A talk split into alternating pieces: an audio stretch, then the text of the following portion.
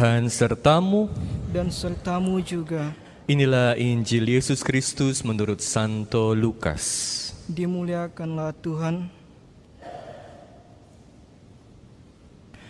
Beberapa waktu sesudah kedatangan malaikat Gabriel, bergegaslah Maria ke pegunungan menuju sebuah kota di wilayah Yehuda. Ia masuk ke rumah Zakaria dan memberi salam kepada Elizabeth. Ketika Elizabeth mendengar salam Maria, melonjaklah anak yang di dalam rahimnya. Dan Elizabeth pun penuh dengan roh kudus, lalu berseru dengan suara nyaring, Diberkatilah engkau di antara semua wanita, dan diberkatilah buah rahimmu. Siapakah aku ini sampai ibu Tuhanku datang mengunjungi aku? Sebab sesungguhnya ketika salammu sampai pada telingaku, anak yang di dalam rahimku melonjak kegirangan. Sungguh berbahagialah dia yang telah percaya, sebab firman Tuhan yang dikatakan kepadanya akan terlaksana. Lalu kata Maria, "Jiwaku memuliakan Tuhan, dan hatiku bergembira karena Allah Juru Selamatku, sebab Ia telah memperhatikan kerendahan hambanya. Sesungguhnya, mulai sekarang segala keturunan akan menyebut aku berbahagia." karena Yang Maha Kuasa telah melakukan perbuatan-perbuatan besar kepadaku, dan namanya adalah Kudus. Rahmatnya turun-temurun atas semua orang yang takut akan Dia. Ia memperlihatkan kuasanya dengan perbuatan tangannya dan mencerai-beraikan orang-orang yang congkak hatinya. Ia menurunkan orang-orang yang berkuasa dari tahtanya dan meninggikan orang-orang yang rendah. Ia melimpahkan segala yang baik kepada orang yang lapar dan menyuruh orang kaya pergi dengan tangan hampa. Ia menolong Israel hambanya karena ia mengingat rahmatnya seperti yang dijanjikannya kepada nenek moyang kita, kepada Abraham dan keturunannya untuk selama-lamanya. Kira-kira tiga bulan lamanya, Maria tinggal bersama dengan Elizabeth lalu pulang ke rumahnya. Demikianlah Injil Tuhan. Terpujilah Kristus. Saudara-saudari sekalian terkasih dalam Kristus, hari ini kita dipenuhi dengan sukacita. Pertama-tama tentu karena Injil hari ini berbicara mengenai sukacita dari Elizabeth dan Yohanes yang ada di rahimnya karena dikunjungi oleh Bunda Maria, Bunda Tuhan. Tapi terutama kita juga bersuka cita hari ini karena perayaan kita adalah perayaan yang penuh sukacita, yaitu Bunda Maria diangkat ke surga. Jadi ini mengingatkan kita satu hari nanti seperti Bunda Maria kita juga bisa menjadi warga kerajaan Allah di surga. Saya mau mengundang Anda sekalian untuk merenungkan hidup kita dengan melihat hidupnya Bunda Maria. Pertama, akhir dari hidup Bunda Maria diangkat ke surga. Kedua, kenapa? Karena ada misi yang beliau jalankan dengan sangat baik. Ketiga, walaupun berat, selalu ada kekuatan sumber dari Tuhan. Akhir, misi, dan sumber. Kalau hari ini kita merayakan Bunda Maria diangkat ke surga, ini adalah dogma gereja yang diproklamasikan oleh Paus Pius ke-12 dalam konstitusi apostolik Munificentissimus Deus itu tahun 1950 kata ini artinya Allah yang adalah sumber dari segala kebaikan yang terbaik yang terkaya.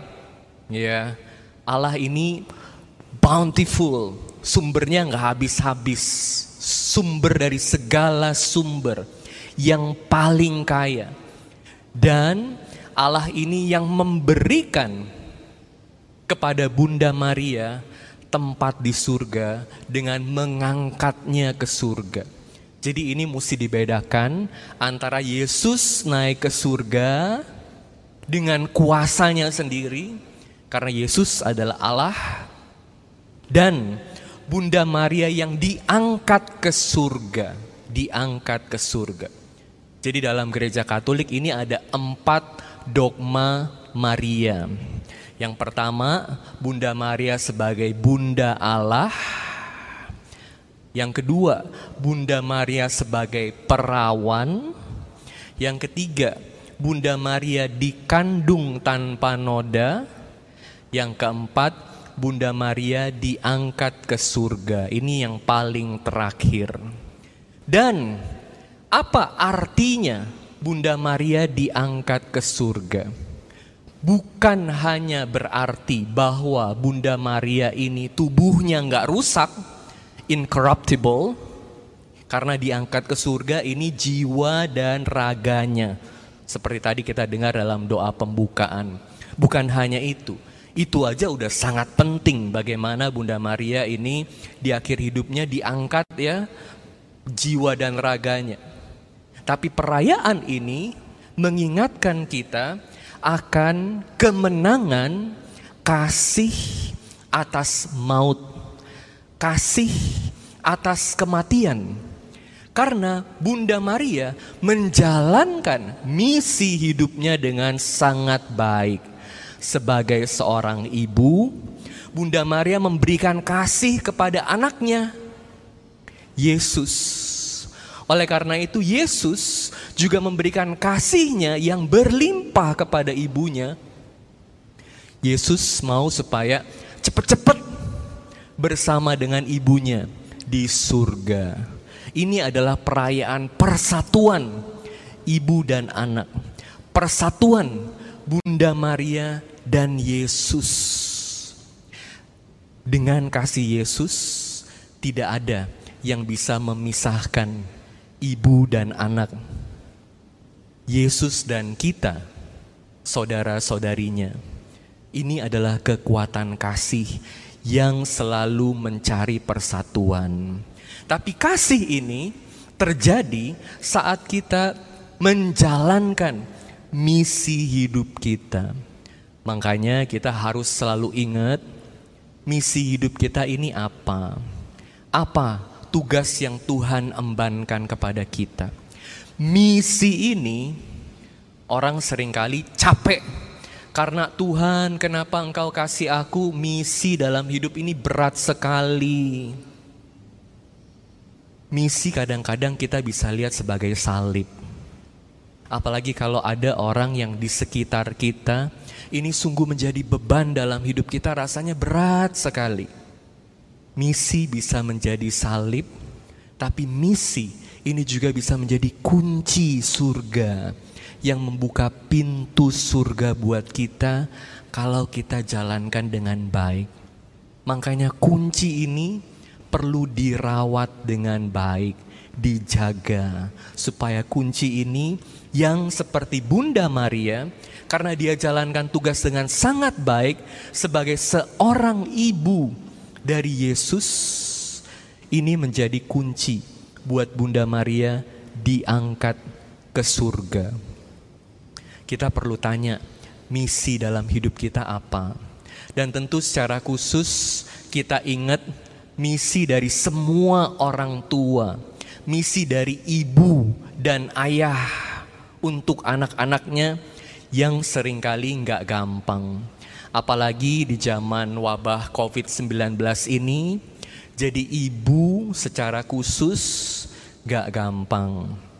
Kalau Romo kan sering diminta buat webinar, ada kadang-kadang diminta buat webinar, dan yang banyak minta ini ibu-ibu. Karena ibu-ibu kepengen belajar kitab suci lebih dalam lagi, puji Tuhan. Sering sekali pertanyaannya, Romo gimana nih? Kita mesti hadepin anak-anak kita di, ma di masa COVID-19 ini karena nggak gampang jadi ibu di zaman seperti ini. Kita sering kali kalau capek biasanya bisa keluar jalan-jalan ya ke mall sebentar atau ke bioskop atau ketemu teman-teman ngerumpi atau ke gereja adorasi. Sekarang susah Romo adorasi nggak bisa ke mall juga bahaya ketemu teman juga bahaya jadi kita kebanyakan di rumah aja dan di rumah juga mesti hadepin suami mesti hadepin anak-anak bikin anak-anak belajar, dampingin anak-anak belajar di rumah juga susah sekali. Seringkali kita sebagai orang tua, sebagai ibu lebih repot daripada anaknya. Karena kita mesti ngajarin anak. Belum lagi kalau ngajarin susah sekali ngajarin anak. Ada yang cerita gimana itu anaknya cuma diajarin bedain ini kalau nolnya ada tiga itu artinya seribu nak Coba ini dihitung nolnya ada berapa? Satu, dua, tiga. Ini seribu ya. Kalau nolnya dua itu seratus. Coba ini hitung nolnya ada berapa? Dua, ma. Oke, yang tiga seribu, yang dua seratus. Nanti dikasih bahan. Ini lima, nolnya ada tiga. Jadi ini berapa? Lima ratus, ma. Lima ribu, nak. Ya, kayak begitu aja bisa bikin darah naik berantem. Makanya banyak anak-anak bilang, aduh lebih baik belajar di sekolah daripada belajar di rumah.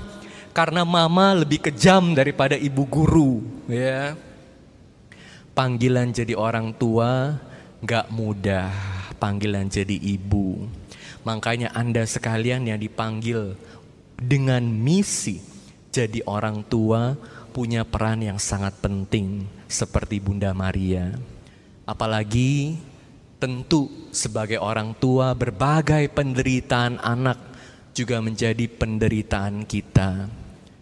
Kalau orang tua harus tungguin anaknya di rumah sakit karena sakit berat, ini juga nggak gampang, sangat sulit. Orang tua lihat anaknya jalannya kurang benar dalam hidup, juga sering kali menangis. Kenapa kok anak-anakku seperti ini? Bunda Maria pun jadi mamanya Yesus juga nggak gampang. Walaupun tentu Yesus hidupnya sangat baik, dia nggak pernah berdosa. Tapi tentu ada saat-saat di mana Bunda Maria juga nggak ngerti kenapa anaknya seperti ini, kenapa anaknya tahu-tahu hilang, atau apa rencana Allah buat aku, kenapa anakku harus menderita, disalib.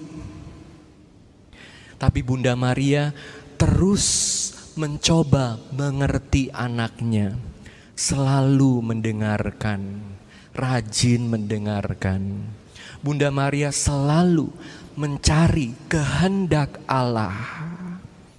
Dia bergantung bukan hanya pada kekuatan dirinya sendiri.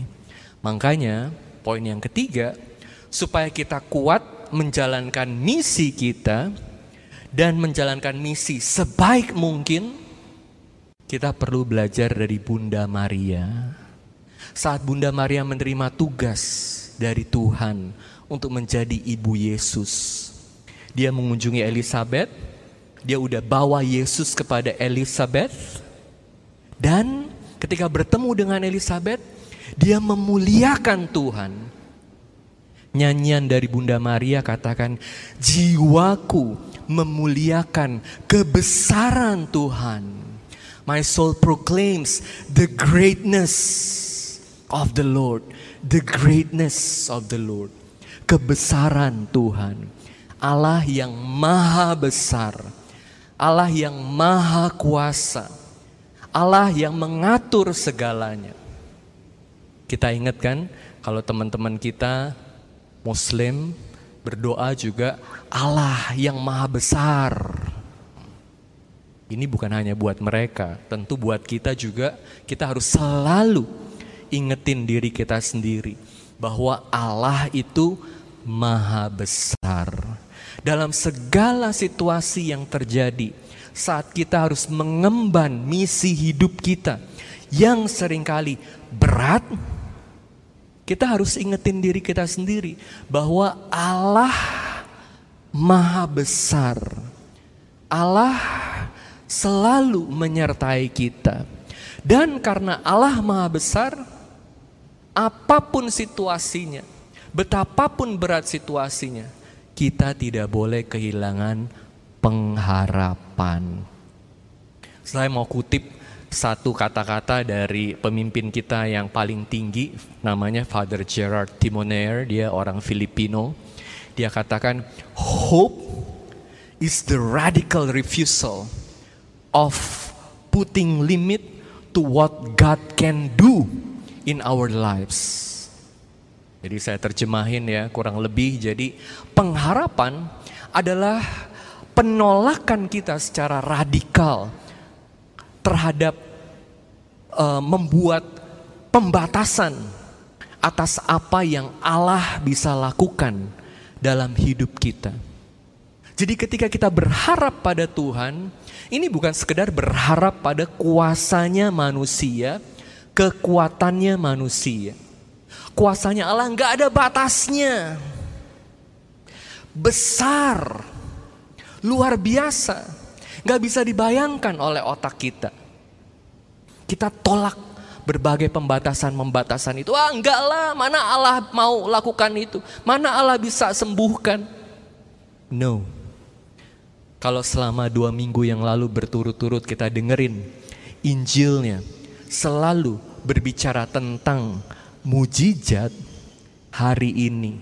Kita juga melihat bagaimana Allah dengan sangat murah hati dengan kebaikannya yang berlimpah memberikan dengan sangat murah hati kepada Bunda Maria yang menjalankan misi hidupnya dengan sangat baik. Hadiah diangkat ke surga. Jadi kita perlu terus berharap dalam hidup di tengah situasi sulit ini, jangan batasin Allah.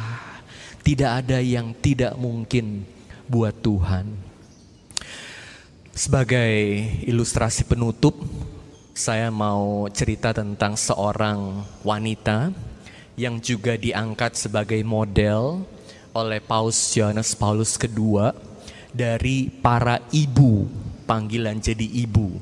Ini nggak gampang jadi nama wanita ini adalah Gianna Barretta, orang Itali lahir di dekat Milan tahun 1922.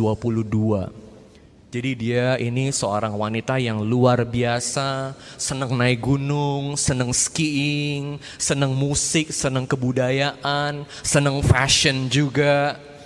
Dia dia kemudian selesai jadi dokter Waktu dia selesai sekolah dokter, dia kepengen bermisi ke Brasil.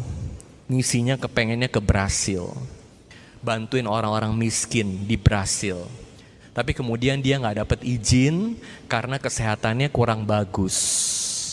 Jadi dia praktek tetap di Itali dan dia banyak bantu orang juga terutama orang yang susah hidupnya.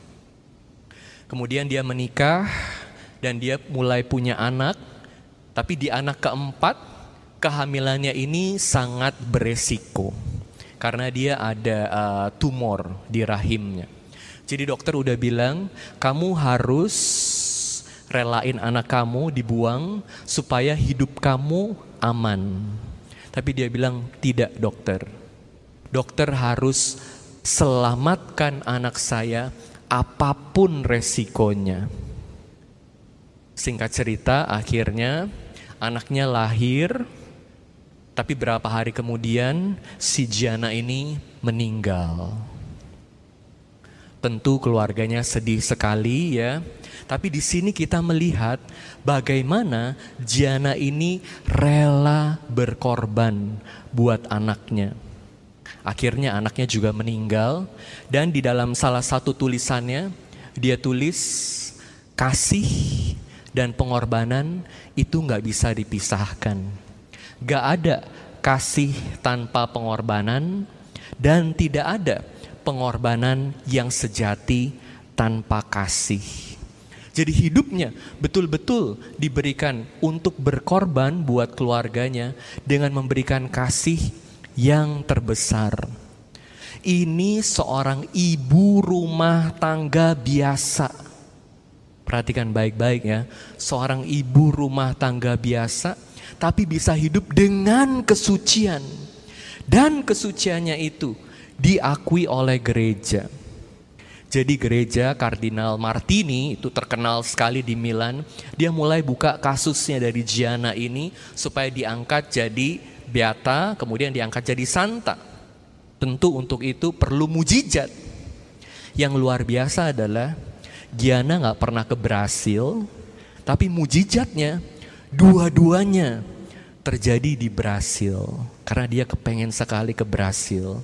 Dan mujizatnya dua-duanya selalu berhubungan dengan ibu hamil. Jadi mujizat yang pertama itu terjadi ketika seorang ibu melahirkan lalu ada infeksi berat. Dia harus dibawa ke rumah sakit yang lebih besar. Tapi kemudian ada teman-temannya yang ingat kita doa mohon perantaraan Jiana ini karena waktu itu kasusnya baru mulai berproses. Mereka doa mohon perantaraan Jiana satu malam aja yang tadinya infeksi sangat parah bisa langsung sembuh. Jadi itu yang buat dia diangkat jadi beata. Sepuluh tahun kemudian di Brasil juga ada seorang ibu yang hampir keguguran karena banyak masalah ya dan nyawanya itu terancam. Tapi teman-temannya ingat lagi, ayo kita doa. Mohon perantaran Santa Jana. Ibu dan anak bisa selamat. Kita tidak boleh membatasi kuasa Allah. Terus berharap di dalam hidup walaupun misi kita berat dengan bantuan Allah tidak ada yang tidak mungkin. Amin.